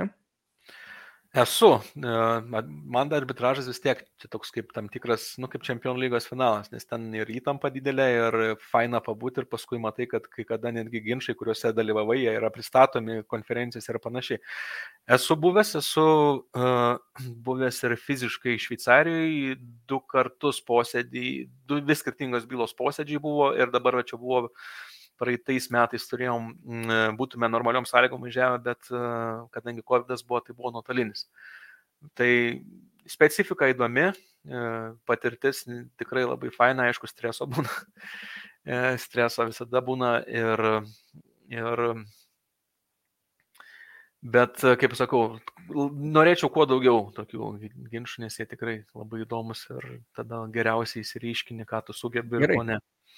Tai tada pavardžių nereikia, čia jautrus klausimai galbūt ir, ir konfidencialūs, bet e, kokio tipo bylos, te, kokias, kokio tipo bylose teko dalyvauti, dėl ko kyla, pavyzdžiui, ginčiai, iš pat, nu, pats principas dėl ko. Ir kaip, gal geriau negu Romai tų W žalių daugiau negu raudonų su L raidelė statistika bylose? Statistika, aš jeigu žiūrėsim arbitražus, tai mano labai nebloga, bet esmė, kad, nu, mano pats pirmas ginčas, prisimenu, buvo ten, neatskleisiu, bet pakankamai senai, tai jisai mirė toj stadijoje, kur reikėjo susimokėti arbitražinės iš, išlaidas ir kadangi nesusimokys, tiesiog tas už, užsibaigė tas ginčas. Tai ten situacija buvo tikrai pakankamai sudėtinga ir tikrai būtume matyti gavę į kaulus, jeigu būtų reikėję. Bet jo, prisimenu, pirmas buvo tarp dviejų klubų, tai turėjom oponentus labai neblogus, e, turėjom atstovus oponentų labai neblogus, bet tiesiog aplinkybės realiai pas mus buvo mūsų pusėje ir, ir tai ten buvo ginčas tarp klubų, tiesiog dėl skolos mokėjimo ar nemokėjimo. Ar ta skola egzistuoja ar ne, vadinamas salon fee, tai yra, kai parduodi žaidėją ir perkantis klubas tau pažada, kad sumokės kažkokią procentinę dalį nuo to. Tada buvo Šiaip dažniausiai, matyt, ginčas yra aišku tarp žaidėjų ir klubo, kai nemokami pinigai. Ir jeigu nemokami pinigai tam tikrą ilgą laikotarpį, tai žaidėjas gali nutraukti sutartį ir reikalauti jų likusios sumos. Tai buvo va, toks ginčas tikrai išsamus ir didelis. Vienas e, buvo dar kitas. E, tai šiaip vienas įdomesnių buvo match fixingo byla, tai čia ta, tas sprendimas yra viešai patalpintas, tai mes tuo metu atstovavom buvom vieni iš atstovų Lietuvos futbolo federacijos ir e, buvo prieš Kruoją, čia tų 15 metų įvykiai, kai Kruoja buvo galų gale po to jau ir pašalinta ir po to jau pirmoji lyga nebedalyvavo net. Mhm. Tai šita buvo koncepciškai galbūt sudėtingiausia ir, nu, tikrai labai įdomi, įdomus reikalas tikrai buvo, nes ir ruoštis labai reikėjo ir, ir visokių video analizių ir kitų dalykų buvo ir, ir oponentės, lietuvės advokatės, tarp kitko, tai irgi labai gerai ir pasirodė labai gerai atstovavo savo, savo klientą, tai buvo tikrai įdomu ir... O, o tai yra dabar konfidencialu, tu gali kalbėti e, kažką konkrečiau, ten kas būtent įdomu, ar, ar nelabai vis dar? E, Šiaip pats arbitražo bendras principas, kad jisai yra neviešas, bet mhm. sporto arbitražo teisme, kur yra ta, kaip sakau, appeals division, tai yra tie ginčiai, kurie ateina iš apeliacinio, jie galų gale yra visiškai, visiškai viešai iki paskutinio taško tas sprendimas išspausdinamas, kur matomas visos sumos ir panašiai. Tai tie, kurie viešai išspausdinti, aš nejaučiu jokios problemos pakomentuoti tą sprendimą, vadinkim taip. Tai, Tai čia vienas iš tų, kuris yra viešas, yra ir kitų viešesnių sprendimų. Bet kaip pasakyti, kartais sako žmonės, kad ai tegu susiranda patys, jeigu įdomu bus. Kad nereikėtų iškalbėti ir panašiai. Ok. E, kokios dažniausiai bylos sprendžiamos arbitražė, kaip, kaip tau atrodo, paskutiniais metais, galbūt, nes turbūt jos irgi keičiasi tam tikrais laikotarpiais. Pagrindė 80 procentų yra futbolo bylų, iš, iš FIFA, dažniausiai kontraktiniai FIFA ginčiai ir kita didelė dalis dopingas. Čia yra pagrindiniai. Paskui yra dar, pavyzdžiui, nu, tie tokie kiti drausminiai dalykai. Nu, pavyzdžiui, uh, koks nors žiūrovų rasizmo atvejas ir klubas gauna baudą ir klubas nepatenkintas skundžia. Tai čia tokie drausminiai dalykai, bet uh, taip pat dar būna tokia atskiras rytį, išskirčiau, kad ginčiai, tarkim, viduje tarp, tarkim, federacijų organų, tarkim, koks Lietuvos futbolo klubas būtų nepatenkintas federacijos sprendimu, tarkim, pašalinti juos iš narių, nors pas mus klubai nėra narys, ten, tik tai klubo asociacija ir panašiai, ir, pavyzdžiui, kiltų ginčas ir va taip. Ten daug tokių būna visokių porinkiminių ginčių, kai, pavyzdžiui, Afrikos kokioje federacijoje kažkas nesutarė ginčias, bet esmė yra apie 80 procentų susijęs su futbolu, bent jau tokia statistika anksčiau buvo, dabar gal sunku pasakyti, bet nebejoju, kad labai panaši. Ir kita didesnė dalis yra dopingas, bet dopingas yra ja, sudėtinga. Aš turėjau uh, vieną tokią bendrą bylą, kur šiek tiek prisidėjau labiau iš tik tai iš patarimo, kaip man atrodo pati koncepcija, bet dopingas yra jau sudėtingas, nes yra jau grinai tam tikros medicininės žinios, reikia pažinoti ekspertų gerų ir, ir dažnai būna, kad atletai na, ne, nesugeba, suge... vadinkim vidutinio lygio atletai nelabai sugebės sugeneruoti tam reikiamų pajamų. Pavyzdžiui, jeigu geras futbolininkas, kuris milijonus uždirba, tai jis gali vesti gerą bylą, turėti, pasisamdyti ekspertus, e, mokslininkus, ten eksperimentų netgi padaro žmonės e, ir, ir pateikia juos kaip įrodymus, bet dažnai būna, kad dažnai būna, va čia vienas iš minusų to sporto arbitražo teismo, kad jis yra brangus ir pas mus irgi ta diskusija kyla dėl to, kad pavyzdžiui, E, visi kaltina Lietuvos futbolo federaciją, kad jinai savo statutuose, nu, įstatuose numačiusi, kad visi ten ginčiai bus arbitražė. Federacija nelabai gali kitaip elgtis, nes jam FIFA taip nuleidžia tokią sąlygą ir viskas. O ta suma, kurią sumokė eidamas į arbitražą, jeigu tu laimi jį, tai būna, kad kompensuojasi ar ne? Uh, ne, Yra ne. tik dalis kompensuojamas, va čia yra problema. Ten pagrindinis momentas yra dvi sumas, vadinkim. Tai yra viena suma, kurią tu susimoki savo advokatui, tai čia e, nesvarbu, kiek išleisi, ta suma, kurią priteisė, būna vyrauja ten iki 5000 frankų, kažkas tokia, kurią kompensuoja. Aš ne, neprisimenu, kiek pavyzdžiui, ar UEFA kiek turėjo kompensuoti Man City advokatams, kai, kai jie laimėjo tą ginčą, bet ten tarmė gal buvo 15 ir tikrai, nu, žinom labai veidų ir aš įsivaizduoju, kad jie kokį fullbacką galėtų nusipirkti iš, iš Ispanijos už tokią kainą kiekvieną. O žiūrėk, vat, gerai, kad tu City paminėjai, kaip tu galėtum kaip teisininkas komentuoti tai, kad jie laimėjo, bet vis tiek kažkokią baudą gavo, kad turės susimokėti. Oi, aš dabar neprisimenu to sprendimo. Aš jį skaičiau, bet jisai Mhm. pakankamai man sudėtingas buvo suprasti, bet e, ten dalis kaltinimų nukrito dėl to, kad buvo e, senaties daug praleista, ta prasme, e, UEFA statutai numato penkių metų atsakomybės taikymą senatį ir buvo daug kas praleista. E, O tai tie, kurie pažeidimai praslydo, tai tiesiog jie nebuvo ant tiek rimti, kad e, maždaug duotų baną. Tai va, va toks vis sprendimas. Šiaip arbitrai, kurie nagrinėjo, tai ten labai rimti buvo, bet ant jų šešėlių spauda metė kažkodėl, tai paskui irgi, kad čia, o čia pats mano Maurinio pakomentavo, ten irgi kažkaip prisimenu, dar Tottenhame būdamas tą sprendimą. Bet e, va čia toks irgi labai trumpas rakursas, tai yra, kad e, kita dalis, tai ką tu turi sumokėti, tai išlaidos arbitrams. Tai priklausomai, ar tu pasirenki vieną, nes šalis gali susitarti, pavyzdžiui, dėl vieno, bet dažnai būna kažkaip nesusitarė. Arba tris, tai kaip sakau, tris vienas skiria vieną, vienas jau pirmininką paskiria pat, pats e, sporto arbitražo teismo sekretariatas, ten prezidentas. Tai, tai va, ten didžioji išlaida. Dažniausiai moka tas, kuris kreipiasi, nes tu kaip atsakovas gali nusimulinti nuo tos pareigos, sakyti, aš neturiu, dabar tegu tas sumoka. Ir jeigu jis nesumoka, tai jis, tada ginčas nesitėsi. Tai čia kartais gali per tą laimėti, gali patikrinti valią kito šalies, nes dažnai būna, kad ginčą pradeda tik dėl to, kad nori- laiką užtemti ar kažką tokio, bet tu vat gali taip sužais, kad jam bus liepta susimokėta suma ir jeigu jis nesusimokės, ginčas tiesiog nutrūksta ir viskas. Tai yra tekę vieną kartą ir taip pabaigti ginčą greituoju būdu, kai užlauži, kad oponentai sumokėtų už tave ir jie, ai, sako, ne, per daug čia. O dabar aš pasakysiu teiginį, tu sustabdyk, jeigu aš esu neteisus, nes galiu nusišnekėti. Lietuvoje įprasti teismai yra tokia praktika, kad ar ne, jeigu tu laimi, tai tau pralaimėjusi pusė apmoka teismo išlaidas, ar ne? Jo, bendra taisyklė tokia, proporcingai kaip tu laimi, jeigu aš prašau 100 eurų man priteisė 70, o aš išleidau 100 eurų bilinėjimus išlaidų, tai man priteisė 70. Nu, va, to, Aha. taip yra, bet yra tam tikros Gerai. lubos. Yra, yra Bet aš tada turiu, turiu, ką turiu omeny, būtent, kad galbūt toks principas ar tavo akimis e, taikomas, jeigu būtų arbitraže, būtų teisingesnis, galbūt ar, ar ne, ar dabartinė sistema yra pakankamai gera.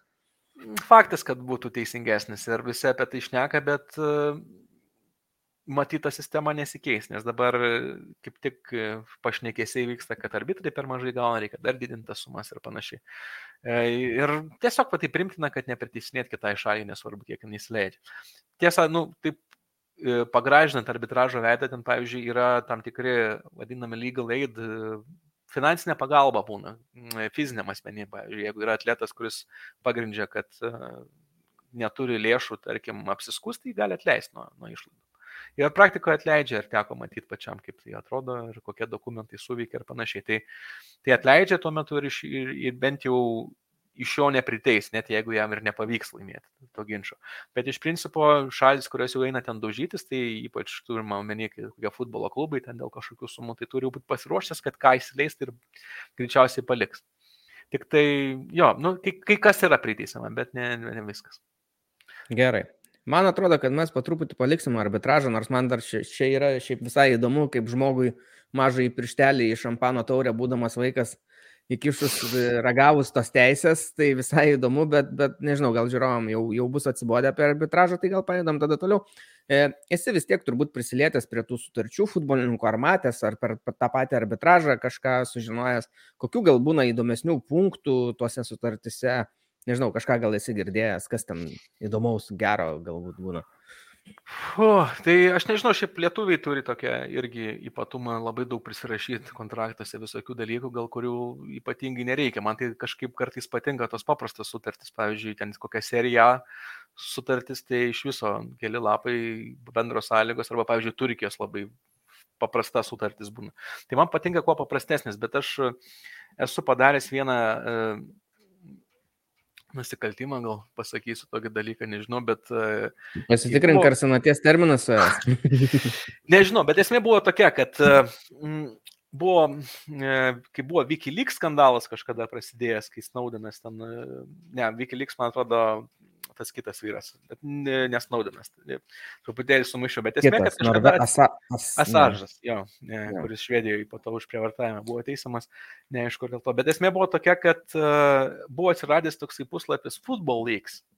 Ir ten kažkokie veikėjai pradėjo iš kažkur gauti kontraktus gerų, įdomių sandorių. Pavyzdžiui, Di Marijos transferis iš Realo į, į Manchester United arba to paties prisimenu Kostos Manolos transferis iš, iš uh, Olimpiakoso į Romą ir uh, dar kažkokie kontraktai, pavyzdžiui, man atrodo, Beilo buvo kontraktas ar Modričius.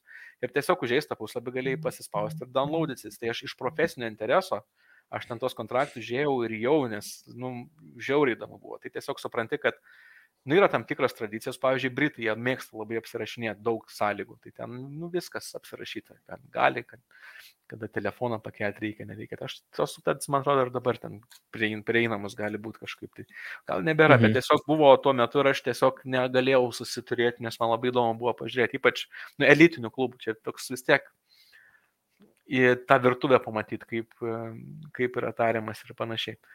O šiaip daug maž daug kas yra labai standartiška tame, tame pačiame ir transferė. Ten niekas, niekas kažkokių mechanizmų dabar neišranda. Anksčiau būdavo, kad ten, kai bando, gal pačiam teko girdėti irgi, kai Maskerano ir Tėvesa atvejs, kai buvo Vesgiama atidavę ten realiai, kai už juos mokėjo kažkoks Brazilo fondas ir panašiai, paskui FIFA turėjo mhm. sakyti, ten draus pradėti.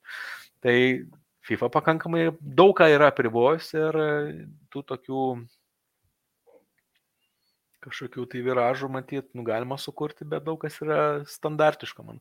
Man pačiam prisimenu vieną kartą, šiaip įdomu buvo sandorį sudaryti žaidėjo pardavimas į MLS klubą, tai uh, buvo šiek tiek specifikos įdomios. Tai įdomesnė gal specifika dėl to, kad žaidėją perka ne klubos, o lyga ir ten jie paskui kažkaip išsi, išsifinansuoja viduje. Tai va, čia toksai buvo įdomus dalykas. Kad, e, pavyzdžiui, yra klubas, kuris sako, mums reikia to žaidėjo, lyga eina ir deras ir, na, nu, ta prasme, aišku, klubas galų galę tą sumą matyti turi įsivarknės. Bet, Galbūt kažkokia sezono pradžioje visi klubai dar susumeta iš karto, ar nėra taip, nežinai? Susimeta, sumeta ką? Nu, kad būtų tiesiog toj lygoj pinigų, kad greičiau viskas vyktų. Nežinau, reikia, aš, ne? aš esu nagrinėjęs e, MLS taisyklės, man įdomu buvo šiaip, kaip ten yra uh, žaidėjai, kaip atlyginimai ten skirstam ir panašiai. Pavyzdžiui, ten viešai gali žiūrėti, kiek kas uždirba, man tas toks atvirumas šiaip visai gal smagus yra, kai kada pasižiūrėti, ten yra kažkokie sponsorių žaidėjai, Madidasas, pavyzdžiui, ten ką mokėjo pinigų arba dėl pierai mokėjo pinigų. Tai va, to, to, tokie aspektai, bet iki galo, kaip, kaip ten viduje veikia, tai iki galo aš neperpratau, nes ten ir draftas tas pats yra, kad ten, jeigu iš Amerikos vidaus tu jėmi, tai, tai yra draftas, vyksta panašiai kaip NBA, naujokų šaukimas ir panašiai. Nu, čia amerikietiškas mhm. modelis uždara lyga. E, nėra jokios rotacijos, neiškrenta, niekas nepakyla. Taip, taip, ten, ten tas žemesnis lygis yra tiesiog studentai, bent jau įmant krepšinį, amerikietišką futbolą. Konceptualiai visiškai skirtinga situacija ir visiškai skirtingas valdymas, kuris, nu, Europoje nelabai kol kas pripažįstamas, bet kaip ta superlyga prasidėjo diskusija, iškart visus išbėrė iš, iš tos reakcijos į tą žinią. Tai va, aš matau, kad mūsų laida užsitęsė truputį, o jau yra gerokai vakaras, abu dar turime darbų, tai aš manau, kad mes ją turėsim šį kartą sustabdyti, bet dar tada galbūt, jeigu Martinas norės, galės ir jam patiko, susitiksim dar ir tada kitą kartą mes pašnekėsim apie vokišką futbolą, apie 50 plus 1 taisyklę, apie jaunimo ūkdymo problemas, kurios buvo praėjusio amžiaus pabaigoje Vokietijoje ir kaip jas išsprendė ir dar kai kurios kitus aspektus apie futbolą, teisę ir kitus įdomius dalykus. Tai ačiū tau, Martinai, labai įdomiai papasakojai. Ačiū, kad pakvietei ir jeigu kažkam įdomu buvo, tai būtinai galėsim pakalbėti. Aš manau, kad buvo tikrai labai įdomu ir netgi ne tik įdomu, bet ir naudinga, nes, na, naujų dalykų sužinojau tiek aš, tai nebejoju, kad ir kiti sužinojo. Šią savaitę dar turėtumėm susės su ryčiu pakalbėti apie Bundeslygos praėjusią savaitgalį ir tada žiūrėsim, greitai baigsis sezonas ir baigsis mūsų laidos sezonas. Susitiksim po to jau rūpjūtį turbūt. Tai ačiū Jums, ačiū Martynui, iki kito karto. Dėkui, viso gero.